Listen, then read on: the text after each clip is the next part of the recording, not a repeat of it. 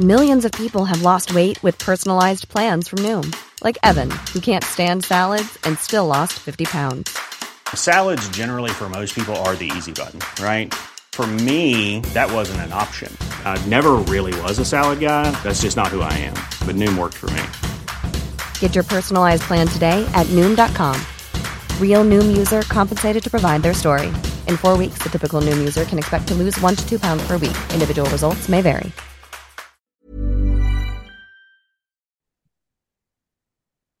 Halo pendengar GGMU Podcast, baik lagi bersama kita berdua dan masih dalam suasana menunggu hasil take over yang tidak kunjung selesai. Kita mau menyelingi berita MU pada episode ini mengenai adanya potensi MU melakukan gerek sale atau diskon belanja besar-besaran alias kita yang akhirnya membuka pintu untuk orang lain menebus pemain-pemain MU dengan harga yang telah ditentukan. Dan ini ada kurang lebih sekitar 12 sampai 14 nama yang kita juga gather dari berbagai macam sumber di internet untuk kita diskusikan. Tentu pasti teman-teman ada yang pro, ada yang kontra dengan nama-nama yang kita sebutin, tapi beberapa ini nama-namanya ada yang aku gue yakin juga setuju ya kayak nama-nama kayak Maguire gitu kan. Yang pasti semua orang kayaknya soal MU kayak pengen dia dijual gitu. Tapi ada beberapa nama kayak Jadon Sancho, Fred yang mungkin dirasa masih terlalu sayang karena investasi terlalu tinggi atau fleksibilitas dari pemain ini yang bisa ditempatkan di berbagai macam sisi. Tapi kita mau dulu Divin dari nama-nama yang uh, quote unquote ada di bagian for sale yaitu adalah Donny van de Beek, Fred, Anthony Elanga, Majbri, Alex Teles, BI, Brandon Williams, dan juga serta Zidan Iqbal yang ternyata udah resmi berpindah seragam ke FC Utrecht. Lalu nanggapnya gimana sekilas dari nama-nama ini? Ya, dari nama-nama ini sebenarnya gue juga setuju ya bahwa ini adalah pemain-pemain yang bisa diuangkan gitu. Mungkin ada beberapa pemain yang gue rasa masih apa ya bisa di keep lah gitu kan. Tapi kalau ternyata dia bisa diuangkan ya apa-apa diuangin aja gitu. Tapi nggak harus dijual. Contohnya menurut gue ya Donny van de Beek Fred dan Anthony Elanga gitu. Itu adalah tiga pemain di bagian for sale ya. Itu yang uh, menurut gue masih bisa lah dikasih kesempatan lagi. Kayak Donny van de Beek ya kemarin itu adalah musim pertamanya bareng Ten Hag yang mana sayang banget dia terkena cedera gitu. Gue masih merasa gitu seandainya kita misalnya benar menggunakan 4-3-3 dengan double eight, bagaimana kalau misalnya ternyata dengan awalnya plannya adalah Bruno dan Mason Mount, ini ternyata Bruno sama Van de Beek gitu loh. Karena hmm. Mason Mount dan Donny Van de Beek ini kurang lebih sama gitu loh. Dia tipe-tipe pemain yang mencari ruang, tipe-tipe pekerja keras juga, bukanlah tipe yang kreatif banget lah kasarnya gitu ya. Cuma memang Mason Mount ini udah berpengalaman di Inggris gitu dan secara fisikal, secara pressing memang udah bagus banget gitu. Cuma gua memimpikan itu gitu. Cuma kayaknya memang uh, Ten Hag juga melihat kayaknya Donny van de Beek secara fisikal ini nggak sebagus itu gitu. Jadi ya kalau misalnya ternyata bisa dikasih kesempatan at least satu musim lagi itu bagus. Tapi kalau Ten Hag merasa dan juga ada yang mau beli dengan harga 20 juta. By the way 20 juta ini setengahnya ya dari harga beli 40 juta itu ya udahlah lepas aja mumpung ada yang mau gitu. Itu hmm. sih itu kalau Donny van de Beek. Kalau Fred ya. menurut gue juga ya kalau kita dapat Mason Mount ya ya itu udah upgrade dari Fred sih gitu. Fred ini kan dibeli juga 50 juta sekarang harganya ya 20 udah udah bagus banget sih sebenarnya dengan kontrak yang tinggal satu tahun dan juga katanya Fulham berminat gitu. Gue merasa kayak uh, Fred ini emang levelnya bukan di MU gitu. Adalah mereka uh, dia ini di level-level tim yang menengah dan mungkin bakal reuni juga ya sama kompatriot Brazil yaitu Andreas Pereira kalau misalnya dia beneran ke Fulham gitu. Nah kalau Anthony Elanga menurut gue lebih ke dia ini butuh dipercaya lagi aja gitu dan dia butuh di loan sampai akhirnya benar-benar bagus dan mungkin ketika nanti dijual harganya bisa lebih mahal lagi gitu. Oh sih saya sih gue setuju lah dijual aja. Jadi ini untuk yang bagian for sale tiga nama penuh dengan catatan ya, notes yang lainnya memang kita ngerasa termasuk juga Zidan Iqbal ya. Yang memang mungkin banyak yeah. orang menyayangkan tapi untuk pemain yang sudah bahkan tuh Zidane tuh kalau nggak salah dia tuh udah di akademi MU di umur kalau nggak salah ya tujuh tahun deh apa 13 ya tapi dia kan dapat scholarship ya seingat gua kan segala macam Eh, dia tuh seangkatan sama Charlie Willems gitu dan dia harus cabut ya sayangkan sih cuman ya itu what it is ya. This is football gitu kan. Dan gue sih yakin selama di Utrecht dia bisa mendapatkan tempat utama at least jam terbang lah ya.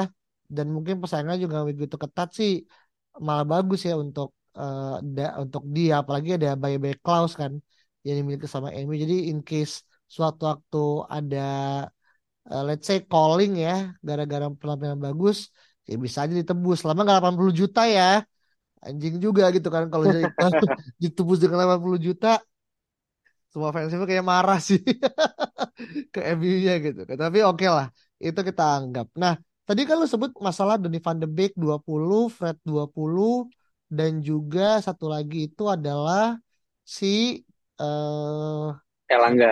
Elangga di angka 20. Jadi kalau kita jual nih, itu kan kita bisa nih dapat 60 dan kalau gue sih ngerasa ya kalau Van de Beek bisa lah dia balik ke Ajax ya. Dan kayaknya sih Ajax juga masih punya minat ya untuk bisa meminang kembali kan putra mahkotanya yang akhirnya bisa mengatakan ke final Hmm. Liga Piala Eropa kan tahun 2016 gitu kan atau Liga atau siapa pun lah ya Liga Itali bahkan kalau dia tertarik sih gue yakin Van de Beek cocok aja gitu kalau Kalau Fred kalau menurut menurut gua ya kalau menurut gua Donny van de Beek ya itu kalau misalnya dia di tim yang sistemnya nggak ada dia jelek gitu loh.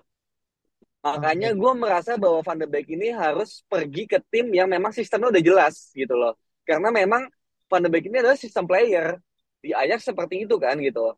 Eh, Ajax bermain tanpa playmaker dan kemudian ya Donny van de Beek sebagai runnernya di sana sebagai pencari ruang dan juga masuk dari lini kedua gitu. Jadi memang kalau misalnya Donny van de Beek misalnya harus pergi, gue merasa tim-tim yang bisa bisa apa namanya eh, meminang dia yang cocok ya itu adalah tim-tim seperti let's say ya kayak Brighton seperti misalnya mungkin eh, Barcelona Bayern gitu tapi kalau misalnya tim-tim yang seperti mengandalkan skill individu misalnya kayak eh, misalnya Everton lah ya yang yang yang eh, sistemnya nggak ada kasarnya gitu ya ya nggak akan bagus sih gitu. Jadi gue juga pingin Donny van de Beek ini sukses dan dia memang harus menemukan tim yang tepat untuk bisa menunjang permainan dia sih gitu.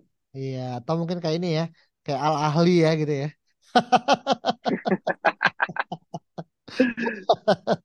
kan cocok tuh udah banyak tuh kan main-mainnya kan udah ada N'Golo Kante, Ronaldo gitu kan, udah ada Ziyech gitu kan, tambahlah Van de Beek lah ya gitu kan, udah tuh jadi tuh apa namanya pemain bintang lapis Eropa gitu kan, untuk akhirnya negosiasi. Tapi oke lah kita lihat lah bagaimana Van de Beek dan sekarang juga dia masih recovery ya, seingat gua kan dari cedera jadi masih nunggu kabar gitu kan. Tapi untuk Fred gue cukup setuju sih dia emang levelnya bukan MU tapi levelnya City. Kan kan juga di dulu kan pas diincar kan juga diincar sama Pep kan segala macam. Betul. Ya quote unquote gue nggak tahu nih ketika Fred tidak bisa mencapai level tinggi di MU yang salah siapa gitu kan. Jangan-jangan ketika misal kemarin Fred di City mungkin udah sekelas Rodri gitu kan dia segala macam. Iya. Ya tapi inilah ya gue sih berharap dia bisa masih bisa main di Liga Inggris karena dia masih uh, versatile lah Uh, sebelum akhirnya mungkin nanti akan pindah ke Arab ujung-ujungnya gitu kan. Semua akan Arab pada ujungnya gitu. Tinggal masalahnya segala macam.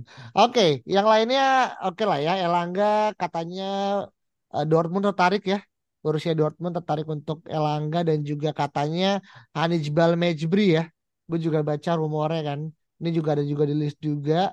Uh, walaupun memang secara angka Mejbri nggak semahal Elangga ya cuma di angka 13-15 tapi ya well untuk dapat 4 eh, 33 juta ya bisa lah nambahin untuk Mason Mount yang sekarang dealnya masih terpaut angka valuasi beda 5-6 juta pounds kan sebagai bagian dari ini segala macam gitu. Oke, sip. Nah, sekarang kita ke bagian will listen to offers. Nah, ini gue yakin nih nama-namanya juga sangat menarik nih. Ada Harry Maguire, Scott McTominay dan juga Dean Henderson. Gimana, Vin?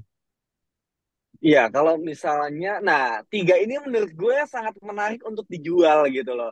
Karena ya meskipun ya um, Scott McTominay ini di beberapa occasion mungkin dia bagus gitu. Tapi kayak aduh visinya nggak ada gitu loh. Dan kita butuh pemain yang lebih dari sekedar hanya ball winning gitu loh. Jadi kalau misalnya sama gue ya menurut gue kayak di luar daripada skill ya dia juga udah nggak dipercaya gitu. Dan juga dia kayak terlalu wasted untuk menjadi pilihan keempat gitu. Jadi menurut gue memang sudah sepantasnya lah gitu Maguire memang pindah.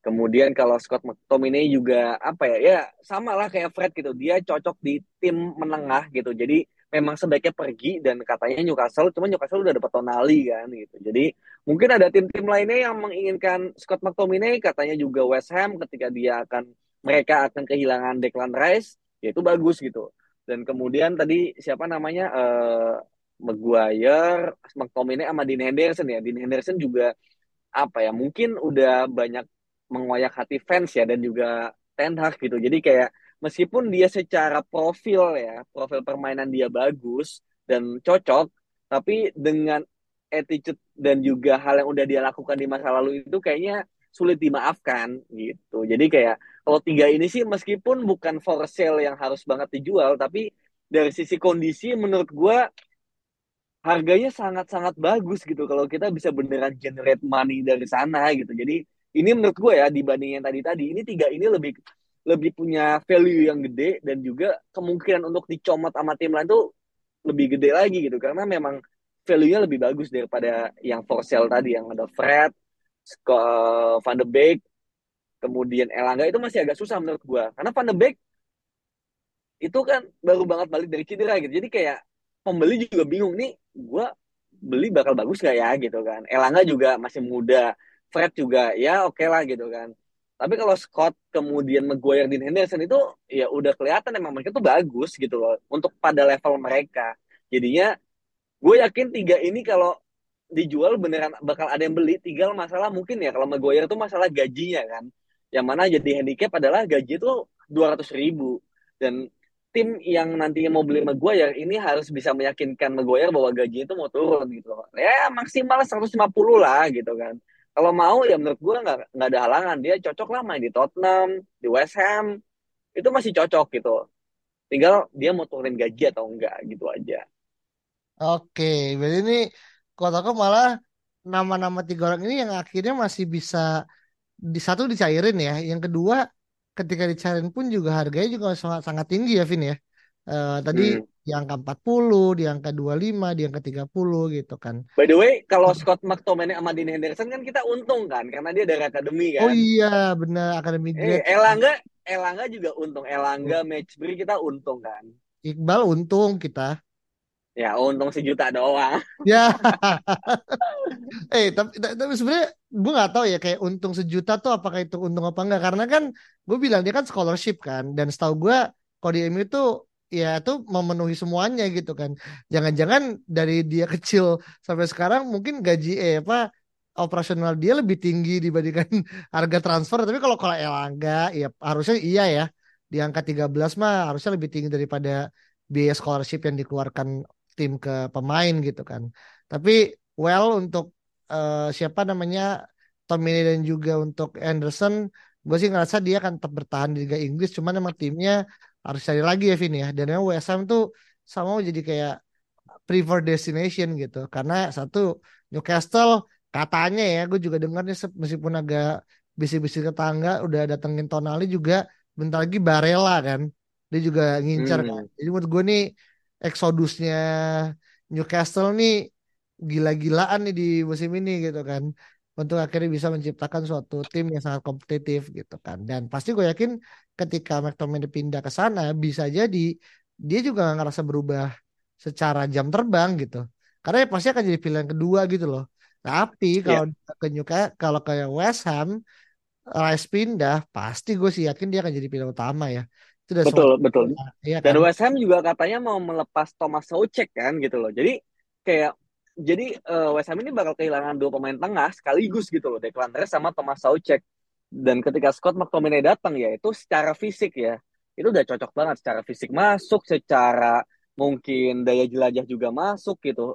Jadi ya mungkin cuma kurangnya adalah ya visinya aja gitu. Makanya West Ham memang begitu mainnya kan. Jadi cocok lah ya makanya gue mikir kenapa West Ham gak beli aja Fred sekalian gitu. Jadi ya Fred mainnya di West Ham gitu loh kan cocok ya. Iya ya, langsung tuh kan kehilangan dua dapat dua, apalagi dua yang baru dapat udah jadi sepasang kan kiri kaki kiri kaki kanan kan.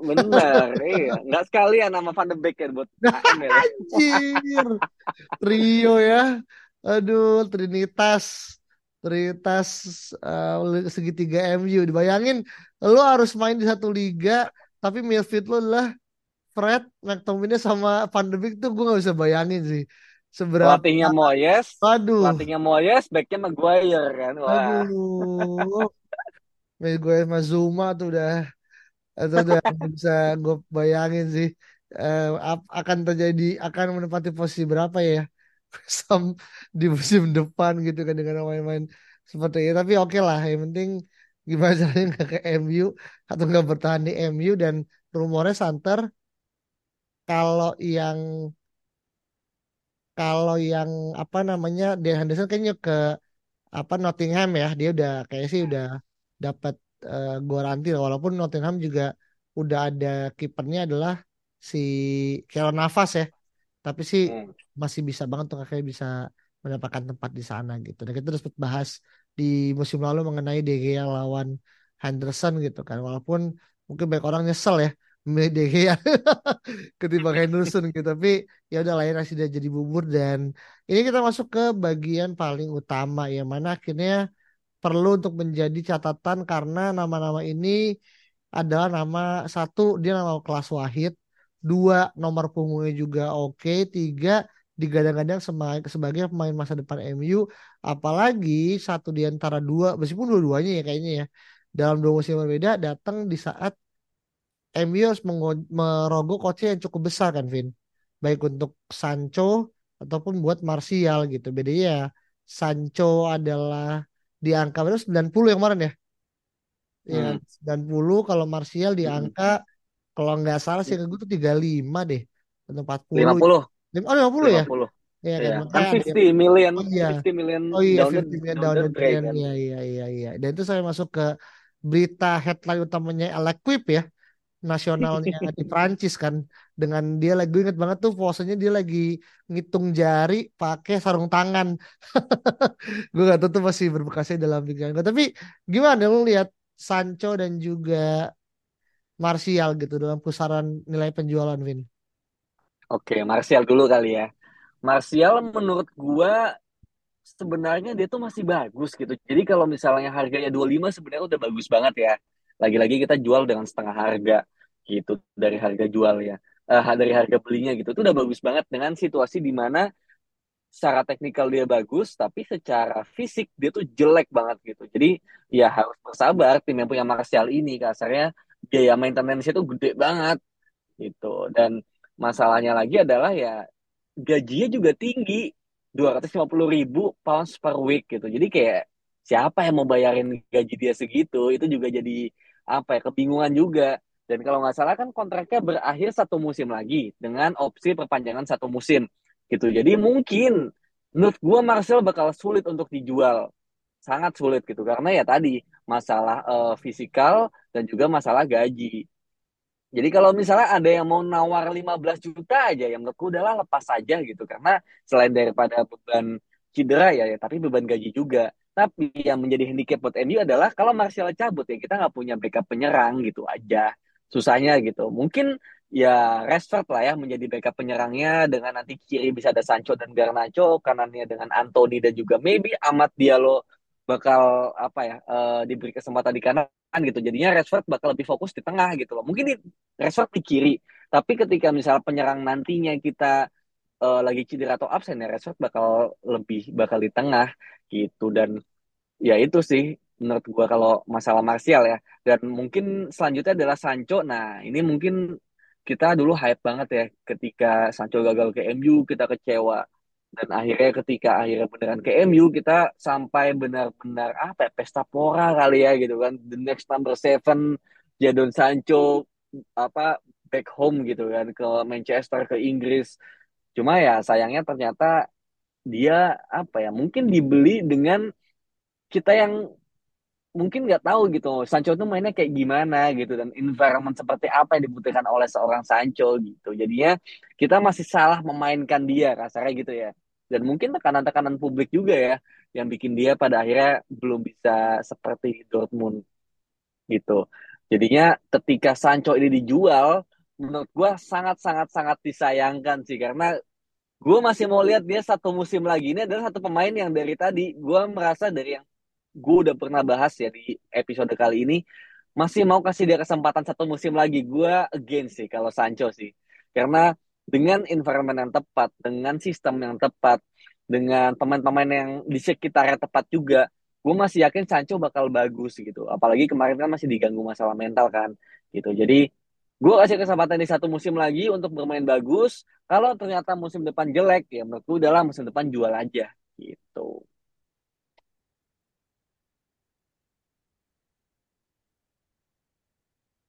Oke, jadi emang kasarnya ini sangat dilematis ya. Secara gambaran besar dan juga secara bagaimana player to player tidak bisa dijadikan suatu bayangan. Walaupun memang tentu ya, Sancho ketika harus pindah itu pasti udah jadi semacam kayak biggest loss ya untuk MU secara finansial dan untuk sang pemain gitu. Karena kan Sancho udah cukup lama ya. Dia nggak dipanggil ke timnas Inggris kan, Vin. Terakhir itu kan final Euro ya. betul iya 2021 iya ya kalau nggak salah ya gitu kan.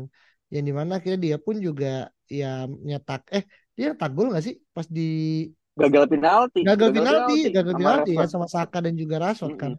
Ya itu terakhir kali nama dia setelah itu Iya. redup sempat dibawa ke pegunungan gitu kan untuk healing ternyata juga kayaknya belum menemukan temunya gitu kan. Nah ini memang lebih kepada kedewasaan Ten Hag melihat bagaimana pemain itu bisa berkembang sih. Tapi eh, nama-nama ini adalah nama-nama yang unik dan kalau teman-teman mungkin nama lainnya yang kita belum bahas ya eh, dari keenam hal ini gitu kan. Silakan langsung tulis di kolom chat biar nanti kita coba ajak untuk akhirnya tahu nih di Twitter kan di @ggw podcast kalau teman-teman punya yang namanya oh ya pemain. satu lagi Oh ya tuh? Iya satu lagi, iya Sancho ini yang bikin mungkin apa ya? Kalau bisa dijual ini jadi eh, apa ya sebenarnya bagus juga adalah yang masalah gaji gitu.